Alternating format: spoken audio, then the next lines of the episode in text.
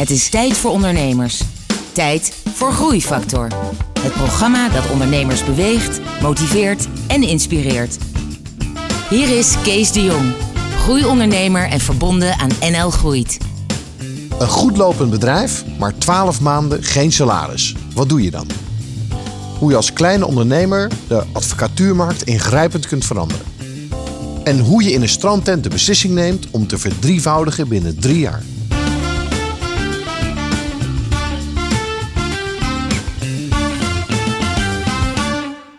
Welkom bij Groeifactor. Vandaag ben ik in gesprek met Taco Johannesma. Taco, welkom. Dank je. Uh, Taco, jij bent uh, uh, ondernemer en jouw bedrijf is OmniLegal. Ja. Kan jij in 20 seconden kort uitleggen wat OmniLegal is en doet? Ja. OmniLegal is een juridisch bedrijf, een juridische dienstverlener nieuwe generatie. En wij maken het voor elke Nederlander maken wij juridische dienstverlening betaalbaar en toegankelijk. En dat klinkt misschien wat gek, maar uh, het is tegenwoordig uh, is, is juridische dienstverlening helemaal niet zo toegankelijk en betaalbaar. Nee, en uh, wij zorgen ervoor dat letterlijk elke Nederlander vanaf 9 euro een juridisch document kan opmaken en versturen. Ja, dit lijkt bijna op een pitch, ja. maar ik denk dat heel Dat veel ondernemers die luisteren, dat die op zich heel blij worden van dit. eh, want we hebben het allemaal meegemaakt. Ehm, advocaatkosten en, en duur. Het valt altijd tegen, het is ingewikkeld. Dus, ehm, dus ik denk dat eh, veel ondernemers eh, wellicht eh, toch nog even straks een kijkje op je website gaan nemen. OmniLegal, dat, dat concept dat heb je uiteindelijk ontwikkeld. Maar het is heel erg veel eerder begonnen met jou, met ondernemerschap. Want ik begrijp dat je acht was toen jij al ondernemende dingen deed. Ja, ik stond toen ruiten te wassen van auto's voor het stoplicht. Dat was eigenlijk een beetje geboren uit verveling. Toen waren er geen iPads en andere dingen.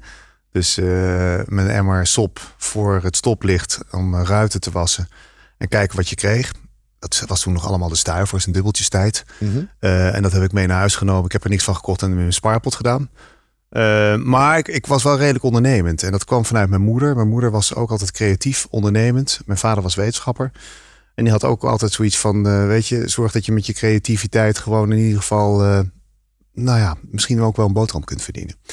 Eh, Wie zei dat? Die vader? nee, je mijn moeder? Oké. Eh, mijn moeder heeft ook eh, in theater gestaan. Eh, die heeft ook zelf veel verkocht op beurzen en zo. Een En- leuke combinatie dan tussen je vader en je moeder. ja, heel bijzonder. beetje- Maar ja, ook jaren 60 koppel. Dus dat was, dat was sowieso al bijzonder. Mijn vader was wetenschapper inderdaad. En mijn moeder heel creatief en, en cultureel. En ook wel commercieel. En ik denk dat het commerciële bloed van mijn moeder heb gekregen. Ja.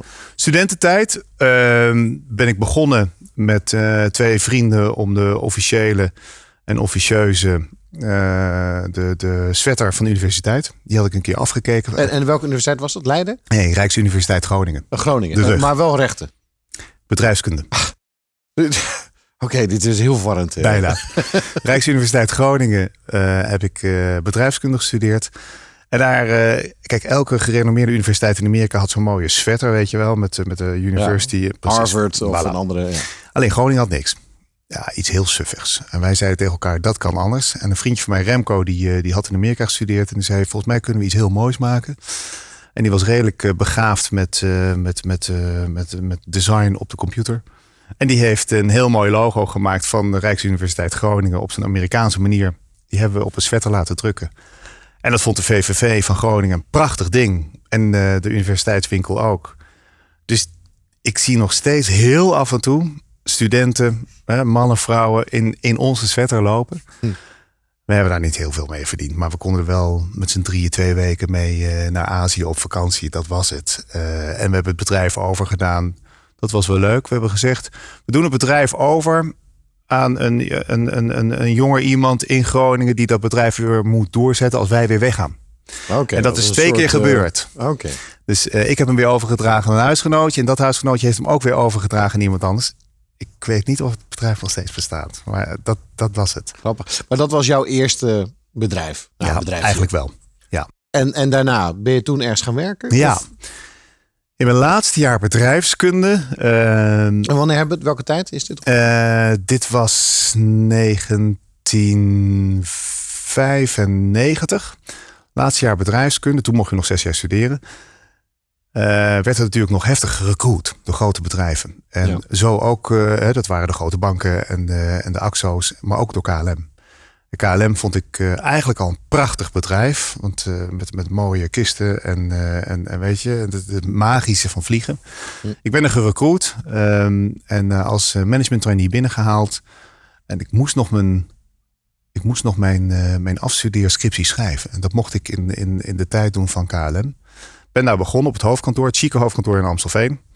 Allemaal managers, strak een pak. eh, pak van mijn broer geleend. eh, daarna het zelf eigen pak kunnen kopen. Eh, maar mooi, weet je. Dat had niks met ondernemen te maken. Maar wel met, met een eerste baan, met bedrijfskunde. En dan merk je dat KLM een heel groot, mooi bedrijf is, was.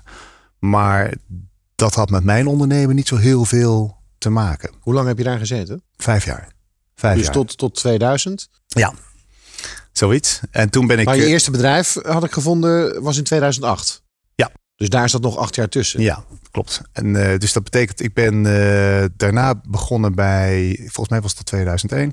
Daarna ben ik eh, overgestapt naar eh, VODW voor Donk Otte Dick Wiegerink, marketingadvies. Super hip, eh, zeker in die tijd. Ja, exact. Nou, dat was het ook. Alle consultants waren hip. En, en eh, de, de, de consultants eh, die liepen ook bij KLM al heel veel rond. Ook daar veel mee gaan samenwerken. En dat was voor mij ook wel, denk van ja, dat is veel ondernemende geest om, om met, je, met je studie bezig te zijn. Hm. Dus ik ben toen naar VODW gegaan in Utrecht. Mooie opdrachten gedaan om grote bedrijven, ze deden veel energie en banken, beter te laten ondernemen. Sneller te groeien slimmere dingen te maken. Goedkoper soms. Opkomst van internet. Eh, en dat heb ik gedaan tot 2006. En toen ben ik op, eh, op eh, wereldreis gegaan. En na mijn wereldreis heb ik besloten om echt ondernemer te worden. In het makkelijkste jaar van allemaal, 2008. Toen de grootste crisis sinds 100 jaar eh, losbrak. Ja en nee. Wat het makkelijk maakte was internet. Ik kon drie dingen, die, die, was ik goed in, ben ik goed in. Dat is, eh, bij VODW heb ik leren merken bouwen. Ik heb heel veel meegekregen van marketing. Hoe, hoe doe je goede marketing? En merken bouwen, internet en marketing eh, was ook in de crisisjaren misschien nog wel belangrijker dan ooit. En ik ben toevalligerwijs tegen advocatenkantoren aangelopen die last kregen van concurrentie die de, inderdaad de, de, de, eh, de, de moeilijke tijd van, eh, van, van dat er minder besteed werd. Dus dat mensen veel meer op hun geld gingen letten. En dat de advocatuur met een hoge tarieven steeds moeilijker kregen. Internet steeds meer wilde omarmen. En dat konden wij goed. Wij konden goed van een wat saai juridisch kantoor een wat aantrekkelijker merk maken. Met gebruik van internet. En, en dat, dat, jij zegt wij, dus dat was al jouw bedrijf Lex en Leeds. Leeds, ja. En dat heb ik inderdaad, dat heb ik begonnen met, eh, met Ernst. Ben ik begonnen. Ik, ik, eigenlijk het moet nog even een jaartje terug. Ik heb het een jaar in mijn eentje gedaan. Samen met een aantal freelancers. En, eh, en toen kwam ik Ernst tegen, mijn huidige compagnon, eh, op een feestje. En die zei, ik heb gehoord dat jij iets doet met internet en met advocatuur. En ik doe iets met callcenters en advocatuur. Zouden wij samen een keer kunnen praten? Want als wij samen dit kunnen combineren, heb ik een hele grote klant. Die en een intakebalie en internet wil combineren. Voor een groep van advocatenkantoren, 26 vestigingen groot. 26 advocatenkantoren groot. En dat was huisadvocaten. Dat hebben we gecombineerd en dat was toen uniek. Eh, en toen hebben we huisadvocaten groot gemaakt als merk. Met internet, met marketing en een intakebalie.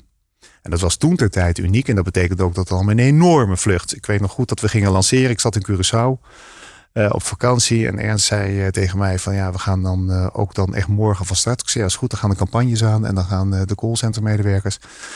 En hij vroeg nog aan mij, hoeveel denk je dat er binnen gaat komen? Ik zei, nou, ik denk misschien 20 telefoontjes. En ik geloof dat de eerste dag al 80 telefoontjes binnenkwamen. Dat was echt best wel heel groot. En dat was, of je dan een recessie hebt of niet, dat maakt dan niet zoveel uit. Even terug in de tijd. Eh, Lex en Leeds, eh, het bedrijf dat jij samen met jouw compagnon Ernst eh, hebt samengevoegd eigenlijk in 2009. En, en dat, dat ging toen lopen door die ene grote klant. Ja, Wat kwam er na die klant? Hoe ging het verder? toen kwamen een heleboel kleine klantjes. Want die allemaal advocatenkantoren zeggen, dat wil ik ook. Ik heb gehoord dat jullie wel iets met internet kunnen. Ik heb gehoord dat jullie een intakebalie hebben. Dus hadden wij een intakebalie. Die al vrij snel zeven dagen per week van 8 uur s ochtends tot 8 uur s avonds open was. Om alle telefoons voor hun aan te nemen. En we hebben daar uh, goede juristen zitten. Uh, junior juristen. Die goed begrijpen of het wel of geen waardevolle dossier is voor een advocaat. Ja. En vervolgens filteren wij dat, want dat was ook een probleem voor de advocaat. Wij filteren dat op een manier dat alle relevante informatie erbij komt. En wij sturen dat met een uh, slim digitaal systeem, sturen we dat naar het juiste advocaatkantoor. Dus, dus eigenlijk alles waar advocaten slecht in zijn, hè, dat is proactieve werving van, uh, van klanten. Hè, en het netjes afhandelen op het moment dat mensen bellen, dat. En, en, en, tegelijkertijd werd je geholpen door het feit dat die markt natuurlijk ja. hè, inzakte. De Exact. crisis. Dus iedereen zocht leads. Dus jij was eigenlijk een beetje, een, een, ja, het gewoon een beetje mazzel. We hebben mazzel gehad, want er kwam nog één ding bij: dat de opkomst van internet. Internet was er al 15 jaar, um, maar tot, tot 10 jaar geleden zochten mensen nog gewoon een, een advocaat met een gouden gids. Ja. Um, en uh, dat was wel een beetje de tijd als mensen een advocaat gingen zoeken. Gingen ze voor het eerst zo'n beetje internet raadplegen om een advocaat te zoeken. Ja. 15 jaar geleden moest je dat niet doen, want stond, kon je überhaupt geen advocaat vinden nee. op internet. Dus we hebben ze vindbaar gemaakt op internet. Maar het was dus vlek op vlek. Jullie hadden een mooie machine neergezet. En dat ging dus groeien. Ja. Hoe, hoe, hoe was die tijd? Heftig. Um, ja, ik weet nog wel, toen wij helemaal in 2008 hebben we twee medewerkers aangenomen. Twee dames. Uh, en wij groeiden best wel in omzet. Alleen uh, wij groeiden niet in inkomen. Ernst en ik hebben een jaar lang 0 euro verdiend. We kregen alleen onze benzinekosten. Dat is volgens mij wat we, de afspraak die we hadden. Uh, in omzet groeiden we wel, in klanten groeiden we wel, maar we moesten ook weer veel centjes weer uitgeven aan allerlei inkoop uh, en aan computers en aan huur.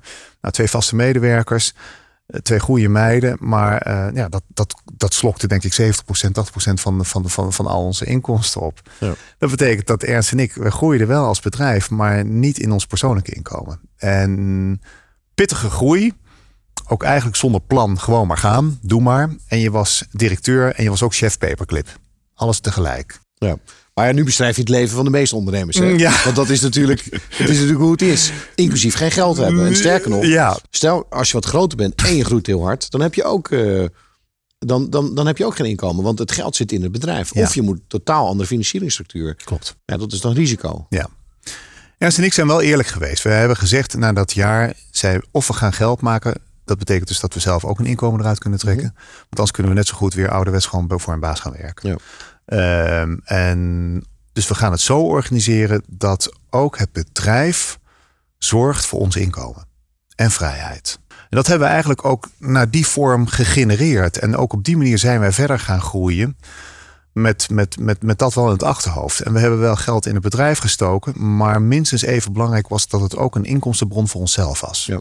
Dat was ook de reden dat we het zijn gaan doen. En die twee, door dat in het vizier te houden, is dat ook eigenlijk altijd wel gebleven. Uh, we zijn nu met z'n vieren, met vier MT-leden. En uh, we stoppen geld in het bedrijf. En wij zorgen er ook voor dat we in ieder geval zelf ook nog een uh, goede boterham ja. kunnen verdienen. Ja. Uh, logisch. Um, en die, die vijf jaar, er zit dan vijf jaar tussen, tussen de oprichting van OmniLegal sorry, tussen Lex en Leeds en OmniLegal. Ja. Het bedrijf wat nu eigenlijk jouw belangrijkste taak is. Wat is er in die vijf jaar dan gebeurd? Wat heb je geleerd en, en hoe ben je gekomen tot uh, een oprichting van OmniLegal? Ja. Dat zijn drie vragen in één, maar kies er maar één. Nou, het is wel mooi dat je dat vraagt. Wij waren op het moment. Kijk, je hebt in ondernemen heb je van die verschillende groeifases. Je bent interimmer, je begint op een gegeven moment een bedrijf. Een bedrijf is, is, is twee man groot. Op een gegeven moment neem je eerste mensen aan. En um, na een jaar of vijf zaten we denk ik wel op een, ik denk op een vijftig kantoren wat wij aan het bedienen waren. En we maakten best wel wat omzet. Alleen het was niet echt, uh, ja, niet duurzaam in die zin. We hadden geen echte merk. We waren gewoon een marketingbureau voor advocaatkantoren. Ja. Ik zei tegen Ernst, ik zou graag een merk willen worden dat wij zelf een merk zijn. Want dat komt een beetje uit jouw VODW-tijd. Ja, ik wilde een merk worden. Ja. Een merk worden, een juridisch merk. En dat kwam ook uit frustratie van de kantoren die wij bedienden. Wij bedienden advocatenkantoren. En wij hoorden heel veel klachten van mensen. wat zou het toch goed zijn als sommige advocatenkantoren op een andere manier hun zaken zouden doen. omdat advocaten niet servicegericht zijn. Hmm. En omdat advocaten niet per definitie heel goed zijn in, in, de, in de marketing en in de vriendelijkheid en in, in de transparantie. En al die zaken hebben wij op een tekentafel neergelegd. En toen hebben we gezegd, als we de advocatuur opnieuw zouden mogen uitvinden, welke dingen zouden we dan beter doen? En toen waren we, zijn we begonnen met de telefoon.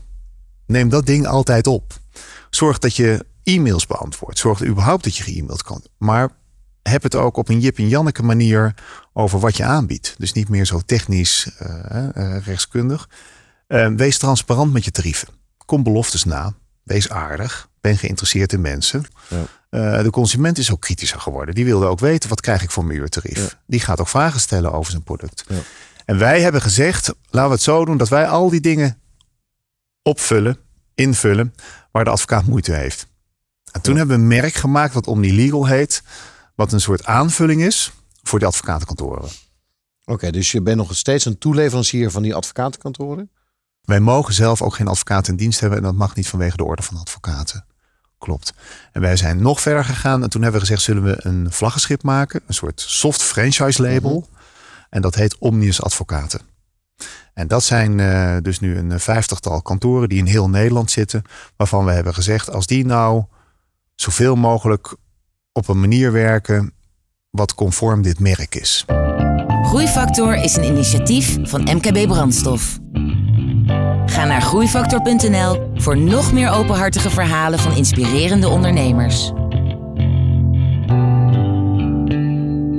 Groeifactor inspireert ondernemers. Taco, dat hele proces van het bouwen van je organisatie.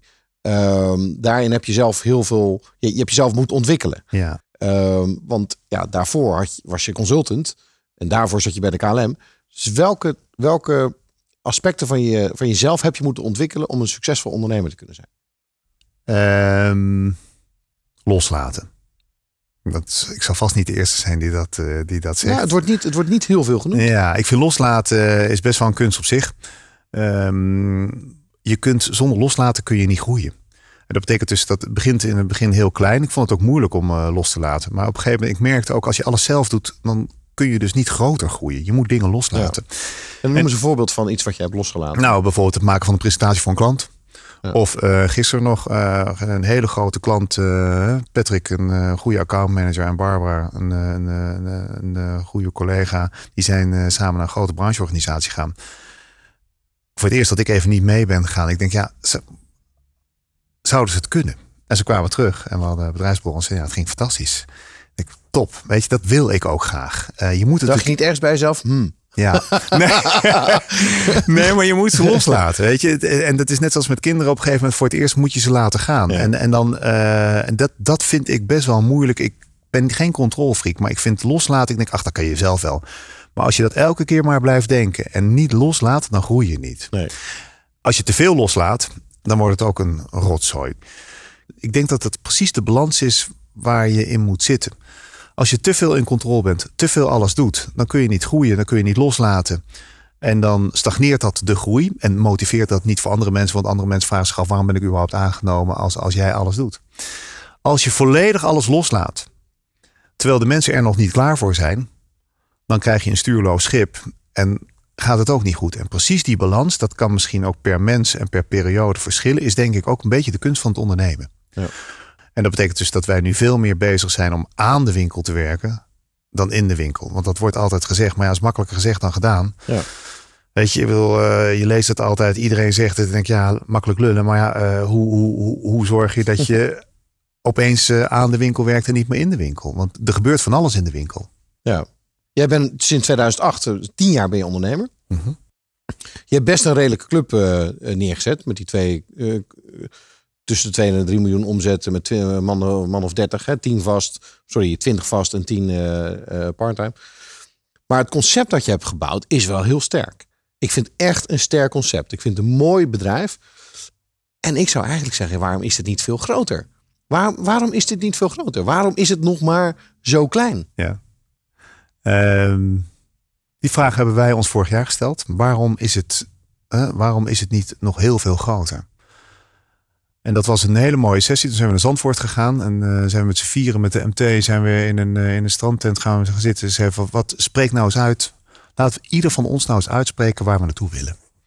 En als je zegt, wij willen niet die groei, vinden we het ook goed. Maar dan moeten we het wel van elkaar weten. Mm En toen hebben we uitgesproken, wij willen over drie jaar in 2020 willen we 500.000 juridische oplossingen brengen. Dat is ongeveer zes keer zo groot als we nu zijn. Dat betekent dus dat we dan ook richting de 10 miljoen gaan aan omzet. Dat is wat we over drie jaar willen bereiken. Maar dan moet je schalen. Oké, nou hier word ik al wel blij van. Mm. Maar er moet wel substantie hebben. Je kan Ja. niet zomaar zeggen en dan, gewoon, en dan gewoon maar zien wat er gebeurt. Dus daar moet je echt rigoureus je eigen gedrag op veranderen. Dat kan niet anders. Ja. Dus wat- heb je gedaan sinds die strandtent sessie van jullie? We zijn eh, een maand later eh, hebben ons ingeschreven voor Scaling Up. Dat was een eh, verplicht onderdeel. Ik, ik, ik had daar wat van gelezen. En ik denk dat dat is in ieder geval een methode. Dat is een groeiprogramma. Ja, dat is een groeiprogramma. Ja, en dat groeiprogramma dat, dat brengt rust, dat brengt ritme, dat brengt eh, veel discipline, dat brengt inzicht. Het is alsof. Ja, kijk, de rust, reinheid, regelmaat. ja, zoiets. Van oei, ik groei. en wij reden in een auto zonder dashboard. We zaten af en toe in, het, in, de, in de achteruitkijkspiegel zaten wij te kijken. En ik, oh wauw, best wel wat afgelegd. Maar een dashboard eh, hadden wij niet nodig. En er stond 100 kilometer. En ik denk, nou ja, weet je, wij, wij weten ongeveer wel hoe hard 100 kilometer is. En ook geen routeplanner. Had je En, nee, ook niet. We reden gewoon wel wat en af en toe tankten we wat bij. maar, eh, en ik zeg het een beetje, eh, eh, een beetje flauw, maar het, we hadden min of meer wel een plan als het even goed uitkwam. En nu hebben we gezegd, we willen echt een, een, een, een doel in 2020, een, een nou ja, laat ik zeggen, een gedurfd, ambitieus doel. Waarvan we hebben gezegd, dan moeten wij als MT moeten dat ook supporten. Onze mensen, onze strategie, onze Ja. middelen. En we hebben eigenlijk alles erop afgestemd. En we hebben nu een dashboard gebouwd in onze auto. Dat we kunnen zien of we dat doel gaan halen. Ja. Nou, we zijn er pas een paar maanden mee bezig. Het bevalt ons allemaal wel goed. En dat heeft ook mee te maken is dat het inderdaad een groeiversneller is. Anders komen we er niet. Ja. Als je geen doelen stelt in je leven, dat is ook zoiets als ondernemer. Kijk, als je elke dag, ik zeg niet dat ik elke dag een doel stel, maar ik heb wel tegen onze MT gezet, als wij geen doelen stellen, dan, dan, dan gebeurt het niet. En, eh, Nee, ja, maar daar kwam je het begin al achter op je bedrijf. Ja, als ik het niet doe. eh, Als ik... ja, eh, maar, maar ik mis dan toch nog een beetje de persoonlijke doorbraak. Nou, laat ik het zo zeggen. Ik spreek heel veel ondernemers die fantastische bedrijven hebben gebouwd. ja, Ja, bedrijven van 50, 80, 100 miljoen. Ehm, en daar is steeds wat mis mee met die gasten. Want dat, dat zie ik. En daar, die zijn of dyslect. Of ooit heeft iemand tegen hun gezegd: Ja, dat lukt jou toch niet. En er zit een soort hele erge bewijsdrang in. Een soort Ja. energie. ja. Heb jij dan wel voldoende bewijsdrang of energie om uiteindelijk van die, van die tussen de 2 en 3 naar de 10 te gaan? Ja. Ik heb één, één eigenschap die, die mij redelijk onderscheidt van veel andere eh, vrienden en ondernemers. Ik, ik ben een rasoptimist. Een rasoptimist in die zin. Voor mij zijn beperkingen, zijn mogelijkheden. Van problemen zijn, zijn, zijn oplossingen. Het is niet half leeg, maar half vol. En ik weet dat ik daarmee moet oppassen. Omdat je niet alles als, als positief moet beschouwen. Maar als je er niet in zit, ik ga dit halen, wij gaan dit doen, dan gebeurt het niet. En ik kan dat redelijk goed overbrengen op anderen. Eh, ik kan ze meeslepen daarin. En ik kan ook, ik weet ook dat het best wel soms wel eens zwaar is, dat we wel wat pittige dagen hebben, maar uiteindelijk het, het, ik kan ze wel meenemen in een positieve vibe om te zeggen hier gaan we naartoe. Ja. En ik wil dat ook echt van mijzelf. Ik wil daar ook naartoe. En dat is iets. Ik ben wat ouder geworden en ik wil ook iets nalaten. Ernst wil wat nalaten. Zeggen we, ik wil gewoon dit.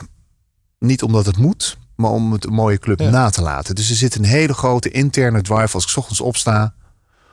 Om weer een beetje gebouwd te hebben om het doel te bereiken. Ja.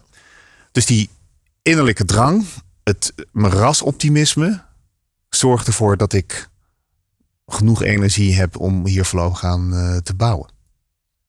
En niks na te laten straks aan. In ieder Ja. geval aan alle andere Nederlandse ondernemers. Nou, Die straks voor 8 euro een ding kunnen regelen Kees, wat anders dat duizend is, gekost. eh, toen wij het, ons bedrijf begonnen, dat is wel grappig. Toen was het iets van, eh, je moet gewoon geld verdienen. En eh, dan, dan ben je heel stoer tegen je vrienden en zegt van eh, hoeveel geld jouw bedrijf verdient. Eh, als je wat ouder wordt, eh, zitten we over twee dingen na te denken. Eén is, we willen echt iets nalaten. Hè? Als mijn kinderen vragen wat doe je, uh, dan vind ik het mooi om te vertellen dat we een bijdrage hebben kunnen leveren door, door toegankelijker en betaalbaar maken van juridische dienstverlening in Nederland. Ja. En dat is een mooi doel.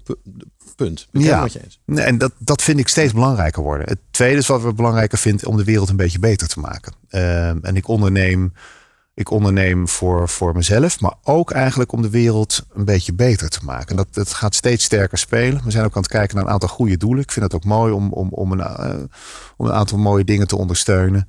Uh, weet je, als, als iedereen die recht zoekt hier in Nederland ook een klein beetje bijdrage kan leveren aan die betere wereld, dan vind, ik, dat, vind ik dat mooi.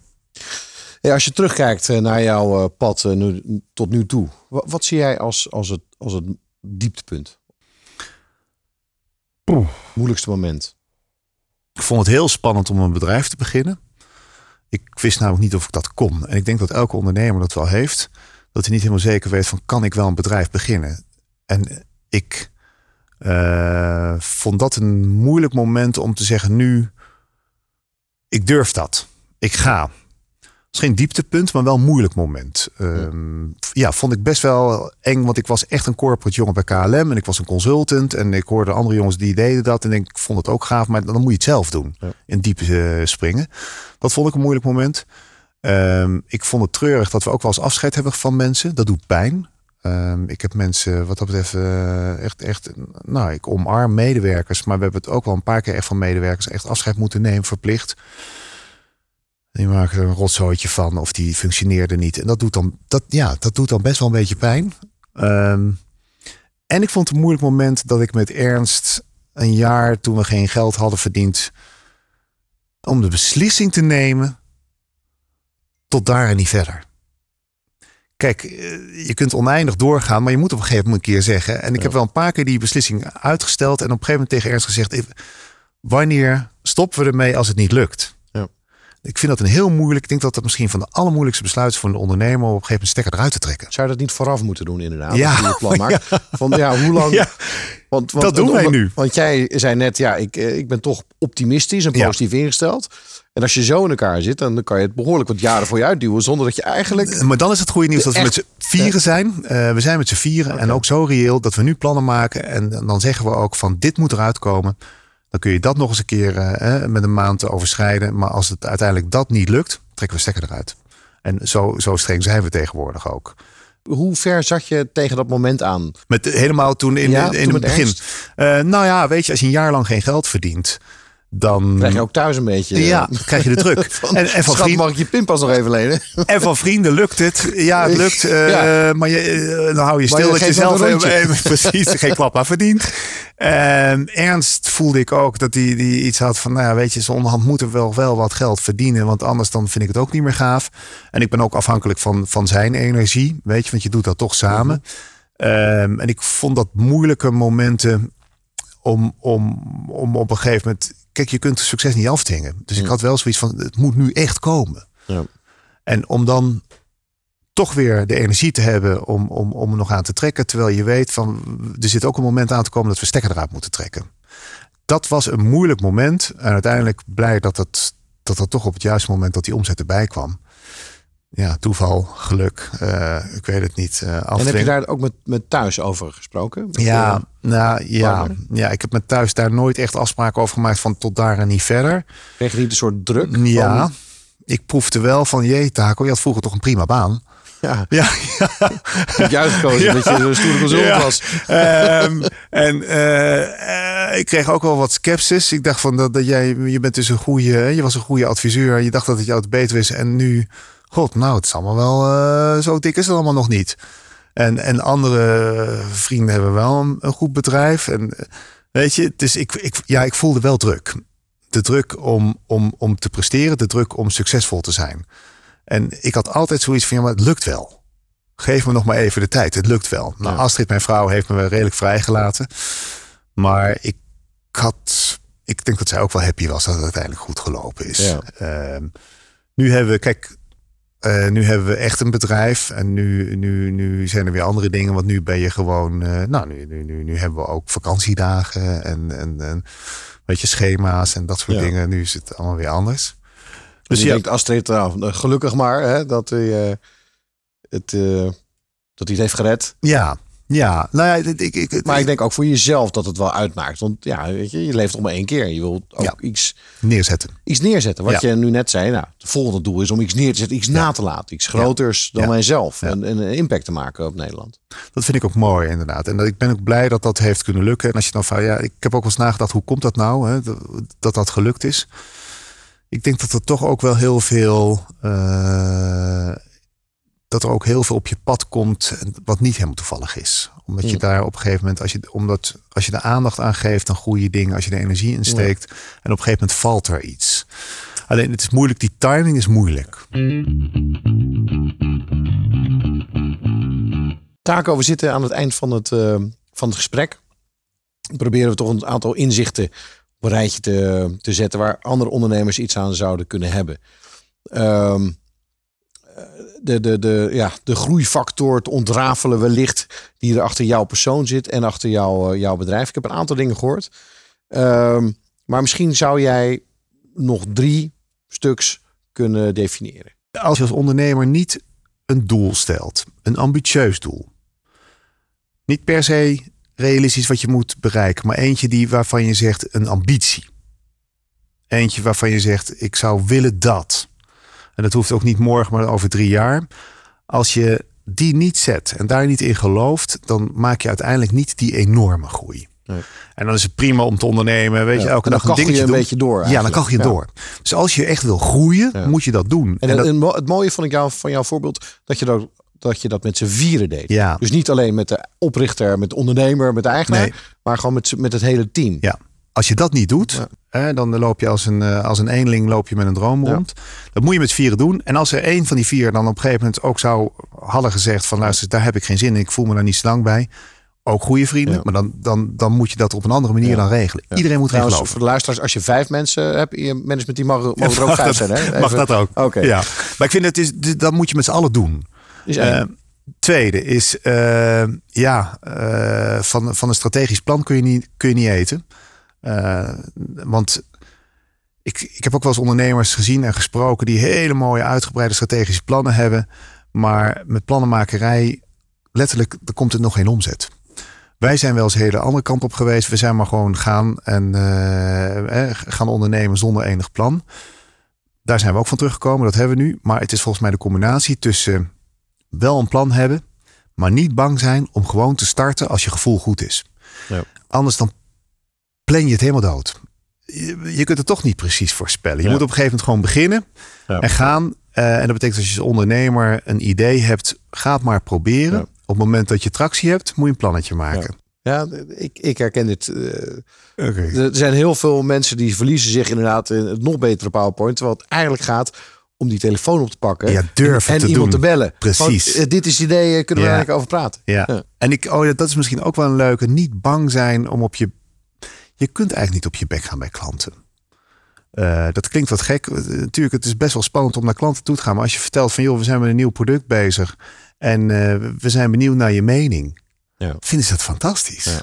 Nou ja, fantastisch. Ze hebben best wel tijd voor. Je vindt het ook leuk om die feedback te geven. Ja. En heel veel bedrijven, ondernemers zitten zich dood te staren. En denken van nou, ik durf dat niet. En nog een keer. Of het nog moet eerst af zijn voordat je het ja, laat zien. maar wanneer is het af? Ja. Pak gewoon de telefoon, doe het. En dan nummer drie.